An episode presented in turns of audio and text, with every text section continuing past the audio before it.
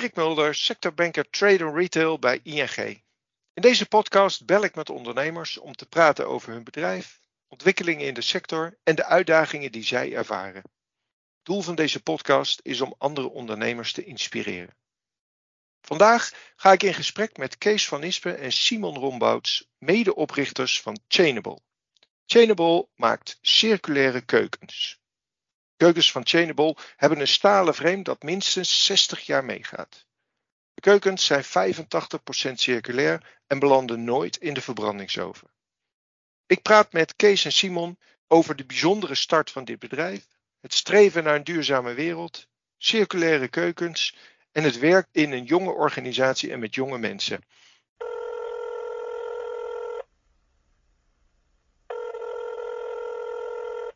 Goedemorgen Kees en goedemorgen Simon. Goedemorgen. Laten we maar direct beginnen. Kunnen jullie wat vertellen over jezelf en over Chainable? Ik heb 52 jaar uh, heb ik, uh, allerlei activiteiten gedaan, maar vooral op salesgebied in de keukenbranche. En toen daar in 2012 een einde aan kwam, toen dacht ik uh, eigenlijk bij mezelf, maar dat is langzaam ingedaald, van wat heb ik nou helemaal gepresteerd? Want ik kreeg, ik kreeg ook in die periode, en voorafgaand daaraan, kreeg ik toch al het gevoel van. De keukenwereld is natuurlijk een wereld die enorme bijdrage levert aan afval. Terwijl dat we op dit moment dat afval moeten reduceren.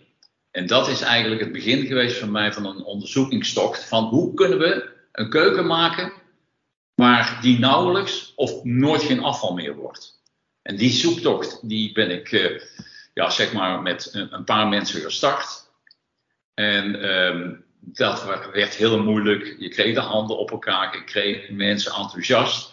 Maar eigenlijk kreeg ik de eerste pas echt enthousiast die het mij moeilijk maakte. En dat was bij een ontmoeting bij uh, uh, ABN AMRO op de Zuidas Circle in Amsterdam.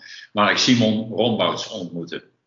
En Simon, misschien kun jij hier eventjes oppakken. Ja, nou ja, goed. Ik, uh, destijds was ik nog bij, uh, bij jullie collega werkzaam uh, op het gebied van circulaire businessmodellen. Um, en nou, Kees had een fantastisch idee voor een product um, ja, dat mogelijk heel makkelijk circulair in te zetten zou zijn. Maar had ook geen idee hoe hij dat precies moest gaan doen. En um, nou ja, we, we kwamen elkaar tegen in Amsterdam en we komen alle twee uit Brabant. We woonden nog geen kwartier van elkaar vandaan. En ik ben hem gaan helpen om, uh, om dat product, maar ook vooral het businessmodel uh, zo op te tuigen dat er een, uh, een, een, kloppend verhaal achter, achter schuil ging. En dat is inmiddels al ruim 3,5 jaar geleden. Ja. en inmiddels staat er een heel bedrijf dat ja, circulaire keukens de standaard probeert te maken in deze branche. En kan je daar iets over vertellen? Hè? Want Chainable, nou ja, je zei het zelf, circulaire keukens. Maar hoe maak je keukens circulair? Ja, nou, ik denk dat het heel goed is om, om eerst te realiseren dat, dat het bij circulair heel vaak gaat om het materiaalgebruik. Er zit natuurlijk meer aan duurzaamheid dan alleen materiaalgebruik. Um, enerzijds uh, kunnen wij de keukens volledig losmaakbaar maken.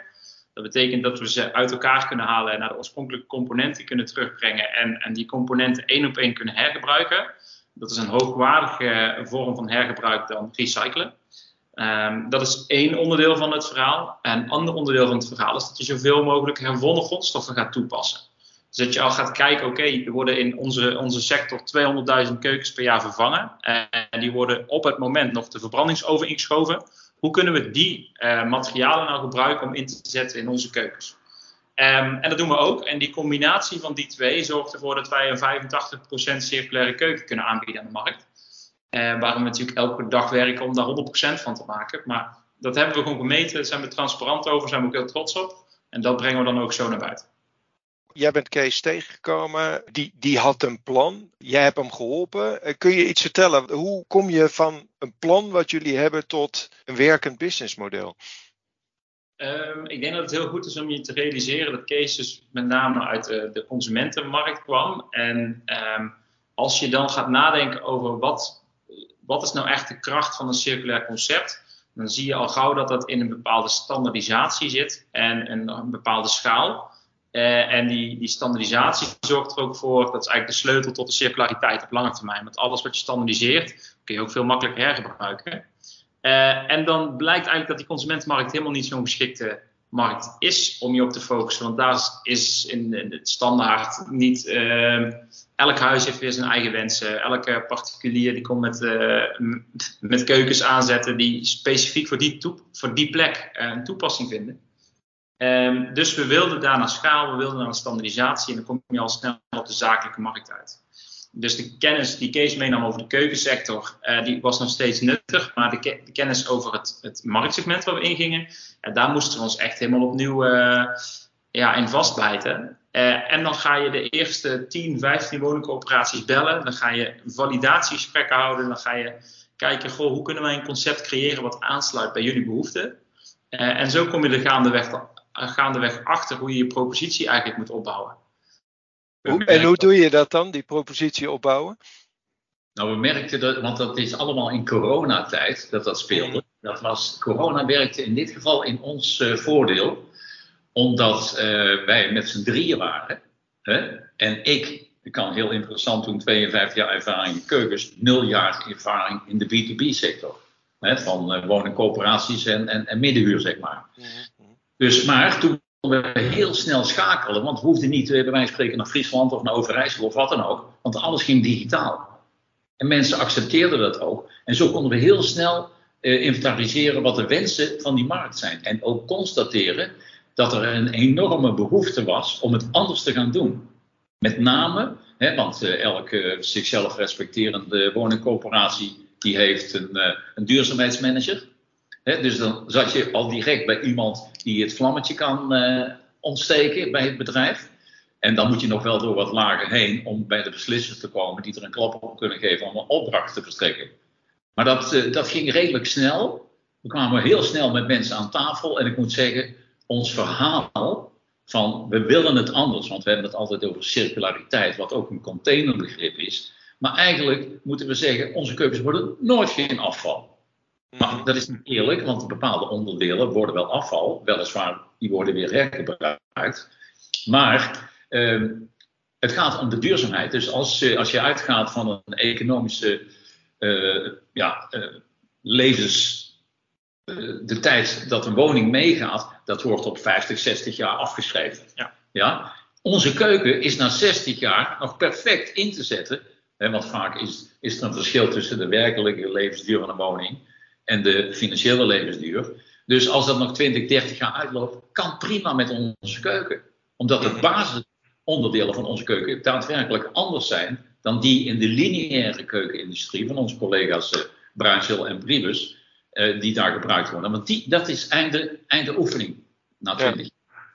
Want, eh, dus jullie, jullie richten je op de markt van de woningcorporaties.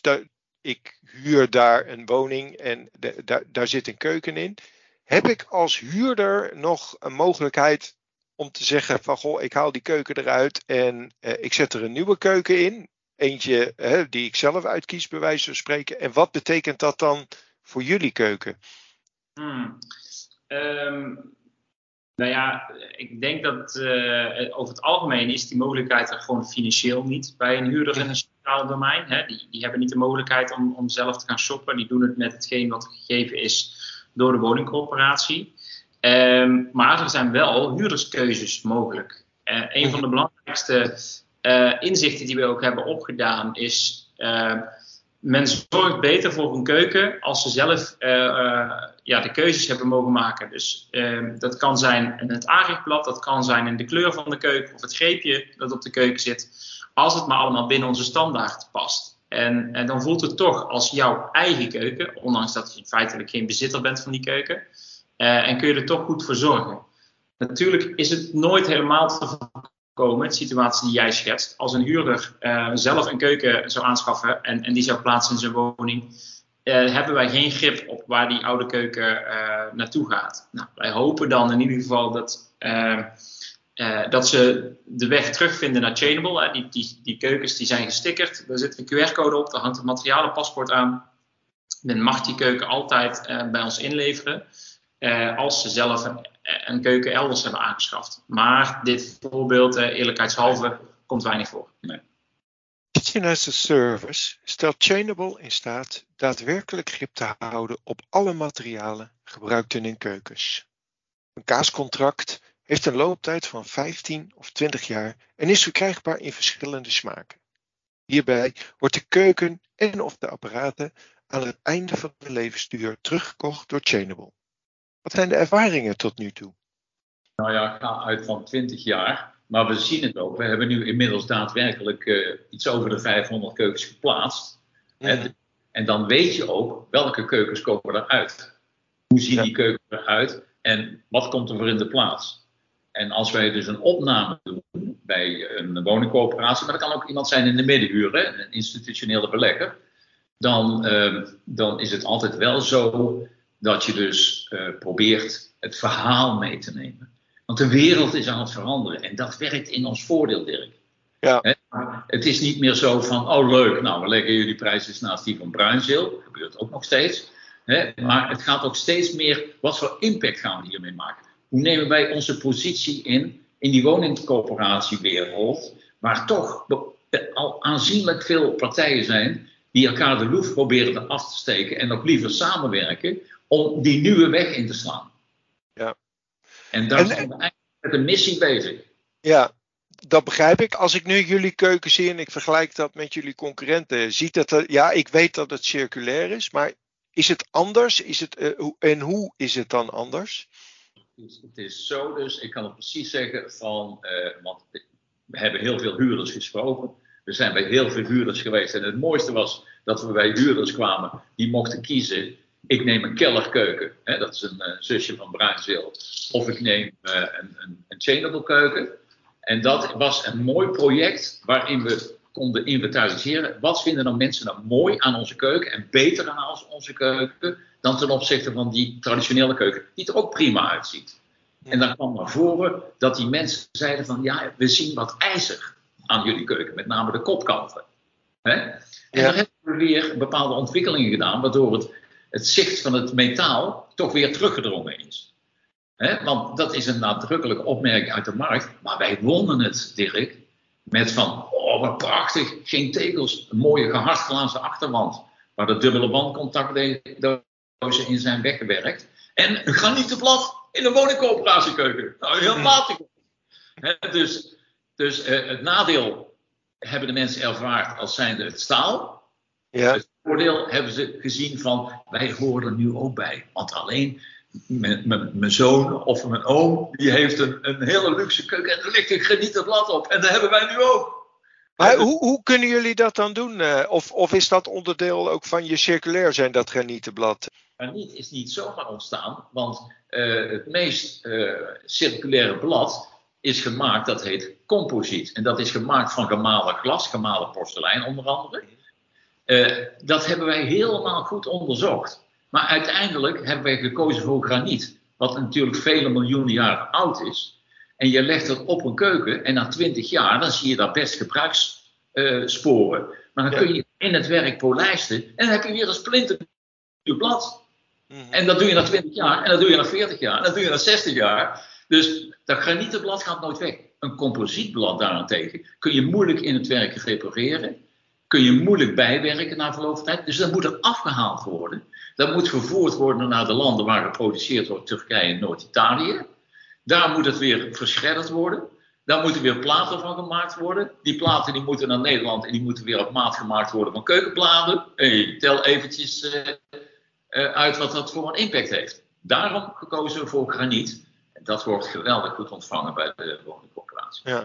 Het is Hoe heb... verantwoordelijkheid, verantwoordelijk blijven voor een product over de lange termijn. Hè? Dus mm-hmm. Uh, duurzaamheid betekent ook uh, dat betekent minder materiaal gebruiken. Dat doen we ook in onze keuken. Tot wel 40% minder materiaal. Betekent ook het materiaal wat je toepast langer gebruiken. En graniet is daar één voorbeeld van. Maar dat frame is een ander voorbeeld daarvan. Ja, ja. ja. Hoe, hoe, moet ik dat voorstellen? Want veel keukens komen nu worden geproduceerd in Duitsland, komen dan hier naartoe. Hebben jullie hier een fabriek? Hoe hebben jullie dat ingeregeld? Eh? Ja, dus we hebben alle uh, uh, grondstoffen, die, die, halen wij 200 kilometer rondom Gilze, ja, waar we invloed op hebben. Dus bijvoorbeeld apparaten hebben we geen, geen invloed op dat we die binnen 200 kilometer van Gilze krijgen ook het geoogste materiaal, daar hebben we best wel aardig invloed op, want wij oogsten dat bij projecten, bij woningcorporaties. maar we hebben wel heel nadrukkelijk gekozen voor materiaal wat ehm, ja, lokaal geproduceerd werd. Of dat het nou het staal is, of dat het nou het plaatmateriaal is wat wij toepassen. Ehm, het is of komt het uit België, bijvoorbeeld uit Antwerpen, of het komt uit Friesland als het het glas betreft, of het wordt verwerkt in uh, nog geen 10 kilometer van, onze, uh, van ons kantoor in Geelze hebben we ook een leverancier die de platen weer verzaagt aan de kant. Een buurman uh, die levert bij ons wat stalen onderdelen. en zo proberen we het zo lokaal mogelijk te sourcen. Omdat we daar ook transporttechnisch gezien heel veel CO2-winst mee, mee boeken. Mm -hmm. Ja. ja. Simon, jij gaf net aan, jij komt vanuit de financiële wereld. Ja. Wat, betekent, wat heeft dat voor jou betekend om nu uh, eigen ondernemer te zijn, eigen ondernemer te worden? Uh, als in? Nou ja, het is niet meer elke ochtend half negen, negen uur op je werk en uh, aan het eind van de maand krijg je je loon. Het is toch op een andere manier werken, denk ik. Hoe, wat, wat voor een impact heeft dat op je gehad? Nou, ik, ik, denk wel dat je kan zeggen dat bankiers het toch wel uh, heel makkelijk hebben, Dirk. nee, ja, goed, kijk, uh, zeg maar gerust dat de standaarddag van 6 tot half 9 is, als het niet later wordt. Mm. dus daarin draaien we wel, wel om. Ehm, het betekent natuurlijk een bepaalde zekerheid waar je afstand van, van doet. Ehm, en dat is wel, wel dermate anders dan dan een gemiddelde leeftijdsgenoot. Want toen, toen ik dit bedrijf begon was ik 26. Mijn medestudiegenoten die, die kozen wellicht voor veilig en, en gingen ergens anders werken. Ik had meer zoiets, ja, ik heb op dit moment ook niks te verliezen. Dus ik ga ook gewoon heel graag ehm, deze uitdaging aan. En we proberen dit van de grond te krijgen. Nou ja, inmiddels drie jaar later Um, ja, hebben wij gewoon een, een hartstikke mooie omzet, groeien we uh, super hard. Hè. We zijn verdrievoudigd ten opzichte van, volgend jaar, van vorig jaar. En we verdubbelen nog een keer naar volgend jaar. Dat zijn denk ik groeiscenario's van een gemiddelde ondernemer ja, van loopt te smullen. Ja. Dus, ja, wat, wat ook ja. wel misschien nog wel interessant is om op te merken. Kijk, wij konden natuurlijk ook vrij snel opschalen omdat wij geen geschiedenis hebben. en we konden zeggen, we beginnen met een stalen frame. En we doen het anders omdat we geen geschiedenis hebben. Kijk, en het vervelende is in de markt, althans zo heb ik het ervaren, dat uh, onze uh, conculega's, die lineaire keukens maken, dat die ook beweren dat zij enorm veel energie uh, stoppen. Want het is voor hun veel moeilijker. Ze hebben de machines, ze hebben vaak voor miljoenen geïnvesteerd om het op die manier te doen. En die manier is niet de manier die leidt naar circulariteit. Dat moeten ze helemaal van elkaar loskoppelen. Dus zij tuigen nu hun websites een beetje op met van, ja, wij nemen ook, als wij nieuwe keukens gaan plaatsen, dan nemen wij die oude keukens mee. En die worden dan uiteindelijk gaan die terug naar onze platenleveranciers. Dat zijn grote Duitse bedrijven onder andere. Hè, en die verschredderen die, uh, die platen en die maken er weer nieuwe platen van en maken wij weer nieuwe keukens van. Maar wat ze er niet bij zeggen, wij doen dat bij een paar projecten, omdat het, dat we daar dan een certificaat van kunnen laten zien, dat we dat allemaal keurig netjes gedaan hebben. Maar dat zijn hooguit, ik denk dat ze de 5% van hetgeen wat ze nu zetten, dat kan niet uitgevoerd worden, omdat de toeleveranciers die capaciteit niet hebben en zij zelf ook niet. Dus uh, het is eigenlijk meer voor de buren. En dat is wel eens lastig, omdat Bruinzeel en Bribus zijn fantastische bedrijven. Die maken al tientallen jaren, misschien al uh, meer dan 50 jaar prachtige keukens. Maar ze hebben te weinig in, ingezet en kunnen inzetten om het echt helemaal anders te gaan doen. Ja. Dat is vaak uh, ons punt, want dat zijn klanten die, die kopen al 40, 50 jaar bruinzeelkeukens. Het zijn keurige partijen, het zijn uh, nette mensen, die kennen elkaar goed. En die zeggen, nou, wij zeggen toch dat we ook circulair zijn. Kijk maar op onze website. Dat is dat project, dat is dat certificaat. En daarmee onderbouwen we dat we er echt mee bezig zijn. Maar ja, als je 5% doet van de 80.000 keukens die Bruinzeel misschien uitlevert. En die andere, die andere, uh, dat andere percentage gaat nog steeds de vuilnisbelt op. Ja, dan, uh, dan is dat natuurlijk niet het eerlijke of het complete verhaal. Woningcorporaties betalen bij Chainable zo'n 3000 euro per keuken. Ongeveer twee keer zoveel als bij een concurrent. Chainable keukens gaan wel minstens drie keer zo lang mee. Als mensen zeggen dat jullie keukens duur zijn, wat zeggen jullie dan? Enerzijds staan ze open, natuurlijk lang niet allemaal. Er zijn ongeveer 400 woningcorporaties in Nederland en laten we zeggen 50 echt institutionele beleggers die echt ons klantsegment vormen. Uh, daarvan staat misschien uh, 20 partijen in eerste instantie open om te praten en dat, dat wordt steeds meer. Uh, nagelang zij ook merken dat zij moeten. Hè, zij, zij, zij merken ook, de overheid heeft ambitie om 50% circulair te zijn in 2030. Nou, 2030 staat bijna voor de deur. Um, en ja, met onze keukens kun je al 85% circulair zijn vandaag de dag. Uh, dus wij zijn een manier om, uh, om die circulariteits- of duurzaamheidsambities waar te kunnen maken. Um, zijn wij duurder? Um, als je puur naar initiële aanschaf kijkt, ja, dan zijn wij hoger in prijs. Uh, maar je moet wel appels met appels vergelijken. want wij brengen ook veel meer. A, we brengen een circulair product. En een circulair product helaas is per definitie nog vaak duurder dan een traditioneel product.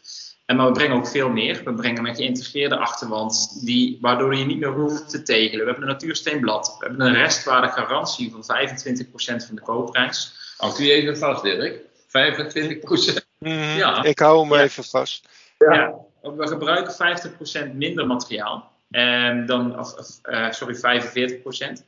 Um, uh, en elke keer dat je een keuken wil opknappen, hoeven we alleen maar de schil, het jasje van de keuken uh, af te halen en daar een nieuw jasje op te klikken. Waardoor we veel kostenefficiënter, met veel minder huurdersoverlast, uh, kunnen renoveren. Dus we worden ook steeds goedkoper. Dus ja, je betaalt wellicht meer aan het begin, maar uh, ja, als je kijkt naar een integrale kostenanalyse, of zoals het zo mooi woord heet, uh, total cost of ownership, zijn wij ook heel snel veel goedkoper dan de traditionele keuken. En dan is het dus een investering geweest vanuit een woningcorporatie, die dat vaak wel bereid is te doen voor een project waar ze toch nog 40, 50 jaar gaan verhuren. Uh, en daar zie je dat, dat ook uh, financieel een heel erg duidelijk incentive is voor een woningcorporatie om dit te doen. Ja. De, de, garantie bij ons. Dat krijg je ook nergens in de markt. Dat scheelt ook weer. Ja, um, maar, maar, even dan oh, verder gaan op die 25% restwaarde. Dat betekent dus dat na de eind van de periode. En die spreek je dan af met een uh, woningcorporatie. Uh, Wat is die periode dan? Dan nemen jullie het terug en kunnen jullie in principe de materialen weer hergebruiken voor nieuwe keukens. Uh. Correct. En um, het liefst krijgen ze gewoon korting op de schilvervanging. Feitelijk betekent dat dat het grootste gedeelte van de keuken blijft staan. Hè. Het blad blijft liggen, de achterwanden, um, eventueel binnenwerk, het, het ladergeleiders. Uh, misschien zelfs wel de spoelbak, maar dan vervang je het kitwerk, de kraan, de fronten. Um, eventueel borstel je de greep nog een keer op. Maar er zijn heel veel componenten, heb, hebben we ook zo ontworpen dat ze dus um, opknapbaar zijn. En niet recyclebaar, want dat is de, de laatste stap eigenlijk die we ondernemen. Nee, um, ja, vrij makkelijk een tweede leven kunnen geven. Ja. Maar hoe lang is die periode dan? Uh, of nou, verschilt dat? Bij een belegger is die ongeveer 15 jaar en dan krijg je een schilvervanging. En bij een corporatie is die 20 jaar. Dus je kunt eigenlijk drie levenscycli rekenen in een periode van 45 tot 60 jaar. Um, en feitelijk zeggen wij dan, ja, uh, het is sowieso lastig om in de toekomst te kijken, maar we verwachten dat de wereld er over 60 jaar ook weer wat anders uitziet. Um, dan hebben wij de, keuken afgeschreven. Het zou mooi zijn als die dan nog een keer mee zou kunnen. Um, als dat niet zo is, dan, uh, dan heb je nog steeds minstens één traditionele keuken bespaard. Aan CO2, maar ook aan kosten. Um, want ja, zo interessant is het systeem wat we aanbieden. Het, het, is met name zo, die 25%, die is met name interessant voor, uh, dat zijn uh, vaak panden, die nu nog ingezet worden voor allerlei doeleinden, ook vaak voor uh, verhuur en dergelijke, voor mensen die een, een, een, kantoor starten of een andere activiteit. En dan weet de, de verhuurende partij dat dat nog vijf à tien jaar, meestal loopt het dan een paar jaar uit, blijft staan. En dan hebben ze de zekerheid dat als ze onze keukens aanschaffen, dat die keukens in één geval naar het volgende project kunnen, waar, waar zij dan mee bezig zijn, want dat is hun, dat is hun business. Of dat die naar ons terugkomen met de garantie van die, uh, dat restbedrag van de keuken.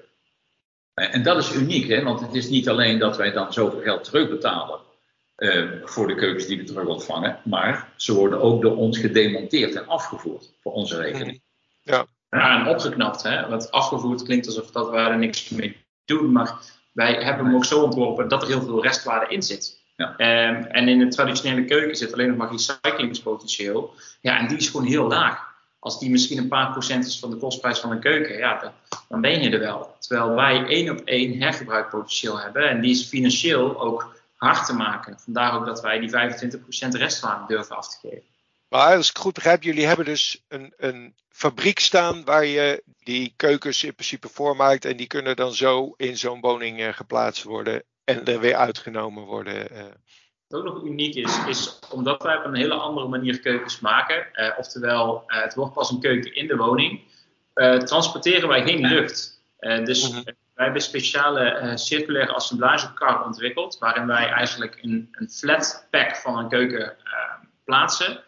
En in die kar, die, die breng je naar de locatie.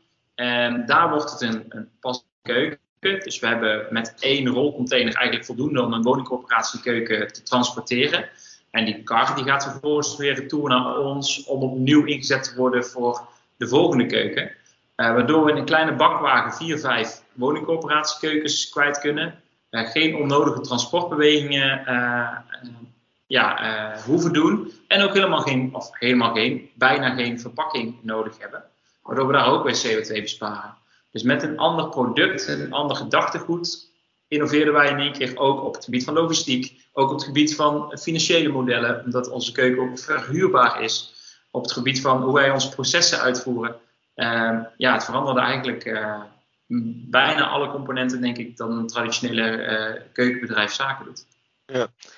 Plaatsen jullie ze ook zelf? Of, je, of wordt dat door de coöperatie gedaan?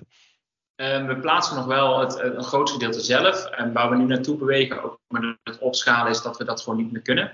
en dat ons product nu ook ja, stupid simpel genoeg is dat het op iedereen geïnstalleerd kan worden. Um, en dat betekent dat, dat, wij ook op die manier kunnen gaan opschalen. Dus wij gaan gewoon keukens bij uh, woningcorporaties op de stoep zetten of bij hun onderaannemers. En dan mogen zij het voor ons gaan installeren. Daarmee kunnen we ook een stukje van die groei waarmaken die we ja, nu al een opdracht hebben, ook voor volgend jaar en zelfs een stukje daarna. Ja. Kees, we hebben elkaar over de telefoon gesproken. toen zei jij wat ik zo heel bijzonder vind, dat ik nu weer met hele jonge mensen mag werken. Kan je daar iets over vertellen? Ja, ja, dat, is, uh, dat, dat begon natuurlijk toen ik Simon als eerste en Jordi, hè, want wij zijn toch uh, de, de founders, de, de co-founders van Changeable ontmoeten. Ja, toen was ik natuurlijk al de 70 gepasseerd en ik ontmoette daar van die jonge honden van 6, 27. Hè, en dan, ja, dan, krijg je een, een, enthousiasme over je heen en een betrokkenheid bij hetgeen waar je dus allemaal mee bezig bent. Maar al heel snel kwamen er allerlei mensen bij. Want wij hoefden eigenlijk, buiten de operations, omdat we nu steeds meer keukens plaatsen, eh, wij hoefden nooit een advertentie of op een andere manier achter mensen aan te gaan. Want wie wil er nou niet werken die ervoor gestudeerd heeft bij een bedrijf als Chainable? Dus uh, die dienden zich aan. En, ja, en die mensen, ja, die kon ik dan meenemen op mijn tochten naar die woningcorporaties en eh, ja, dan hoorden ze van hoe gaat Kees met die mensen om en zo, want daar zit een beetje mijn kracht, als zeg ik het dan zelf. om mensen voor me te winnen, mensen te winnen voor mijn ideeën. En ja, het is heerlijk, dat zijn mensen van voor de twintig en uh, halverwege de twintig. En dan zie je ook met, uh, we hebben bijvoorbeeld een Julia, en Julia die werkt nu, ik denk, ruim twee jaar alweer bij ons, misschien al tweeënhalf jaar. En Julia kwam binnen en Julia was absoluut niet het prototype van iemand die het wel eens even gaat maken in sales. Maar zij was zo intrinsiek gemotiveerd om de wereld beter te maken. En die kon zo het eerlijke verhaal overbrengen naar de woningcoöperatie. Dat zij bij vaar bij ons de meeste orders binnenhaalt nu. Ja. Want als, als bijvoorbeeld een woningcoöperatie of iemand zou zeggen van ja, maar prijs en dergelijke nou, dan kijkt ze die met die grote ogen aan en denkt ze van, jongen, wat, wat willen jullie nou? Willen jullie door of zo? Of, ze zegt het niet, maar haar gezicht spreekt boekdelen. Dan zeggen mensen, nee, we moeten onderhand echt wel eens een keer mee gaan bewegen. Er moet echt wel wat gebeuren. Ja. Dat, dat, dat, is, dat is zo leuk. Om ja. uh, tussen de jongelui, steeds minder hoor, moet ik eerlijk zeggen. Uh, want ik ben echt wel aan het uh, afbouwen. Maar over een half uurtje dan zit ik weer met Julia met een woningcoöperatie die een, een, vijf keukens die een opdracht moeten even binnenhalen. En vind ik het heerlijk om weer even met jullie aan te schuiven. Om daar net dat extra setje te geven om die opdrachten te scoren. Ja, leuk. Simon, als je terugkijkt, waar zijn jullie de afgelopen periode tegenaan gelopen? Uh, heb je even. Ja, heb je even. nou, kijk, het is typisch. Als je, als je gaat groeien, dan, dan kom je elke keer. Ik denk dat dat een terugkerend thema is. Als je van start-up naar scale-up gaat, in verschillende groeifases terecht. In eerste instantie is het wellicht een gebrek aan geld. Dan is het een gebrek aan personeel. Uh, hè, want dan, dan heb je wel de opdrachten uh, en het toekomstige uh, cash, maar dan, dan, dan, mis je eigenlijk de persoon om ze uit te voeren. Vervolgens heb je de personen gevonden en, en dan kom je weer bij, minder opdrachten. En uh, dan, dan kom je ook operationeel op wat, wat, vraagstukken. Of dan ga je zo hard opschalen dat je blijkt dat je de verkeerde toeleveranciers hebt gevonden die niet goed mee kunnen in jouw, jouw schaal. Want het eerste jaar hebben we 80 keuzes geplaatst, toen 200, dit jaar net geen 600 en, en volgend jaar 900 dat is natuurlijk een schaal die niet voor iedereen is weggelegd. En um, ja, elke keer uh, komen we weer op nieuwe uitdagingen te staan, die we zo goed en, en kwaad als we kunnen uh, het hoofd proberen te, te bieden. Ja. Het product, hè, daar hebben we ook al veel aan gedaan. En daar moeten we ook nog best wel het een en ander aan doen. Om dat nog, nog, nog soepel te laten verlopen. Maar dat, dat zit in het totale proces. En ik denk ook niet dat dat straks helemaal overgaat. Dus je blijft altijd verder perfectioneren, maar dan op onderdelen. Hè? Want het product in de basis moet hetzelfde blijven. Anders uh, dan kom je met je circulariteit in het, uh, in hergebruik in het uh, gedrag. Ja, kijk, de traditionele keukensector heeft meer dan 50 jaar de tijd gehad om, om op dit punt te komen waar ze nu zijn, qua standaardisatie en, en noem het maar op. En wij komen best wel met een, met een nieuw radicaal product, dat heel veel voordelen heeft. Uh, maar waardoor we ook nog de kinderziektes eruit hebben moeten halen. En, en nu komen we wel op een leuk punt dat we ook uh, ja, juist bij die klanten komen die eerste instantie een beetje terughoudend waren van nou, een nieuw concept. Uh, even de kinderziektes eruit wilden laten, eh, ja, eruit wilden laten filteren. Ja. Maar dat is gebeurd. En, en nu wel toehappen om die grotere projecten naar ons te, toe te laten komen. Ja. Als je. Een de wereld, hè? Dus uh, het is zo dat uh, als, als we één over de streep hebben en die is laait enthousiast, dan weten we er staan er tien aan de zijkant om te kijken, oh dat is goed gegaan, maar zullen wij nou ook eens een keer uh, die stap nemen? Ja, ja, ja, zo werkt het. Hè? Tot slot, als je nou terugkijkt over de afgelopen tijd, wat voor les heb je zelf geleerd waarvan je zegt van nou die zou ik mee willen geven aan andere ondernemers? Ik denk voor mij, eentje die ik ook wel vaker, want we krijgen het overigens eh, best wel vaak, eh, bijvoorbeeld eh, badkamerjongens over de vloer die van ons willen leren van hoe hebben jullie dat gedaan? En, en dan zeker als het de ondernemer is die het hart op de juiste plaats heeft, helpen we die uh, hopelijk een stukje verder in de circulariteitsrichting. En een van mijn meest uh, voorkomende uh, stukjes advies is probeer het niet perfect te doen, maar begin wel vandaag. En, en, en zet dan een klein stapje door in eerste instantie jouw product vast terug te nemen. En dan te kijken, oké, wat kan ik er dan nog mee? Want door daarmee te beginnen zie je wat eigenlijk jouw uh, restwaarde doet bijvoorbeeld. Hè? Uh, of een stukje extra service toe te voegen, zodat je langer verantwoordelijk blijft voor je product. Wat verder gaat dan alleen je garantie. Want zo ga je ook aan levensduurverlengende activiteiten denken, of opknappen of iets dergelijks.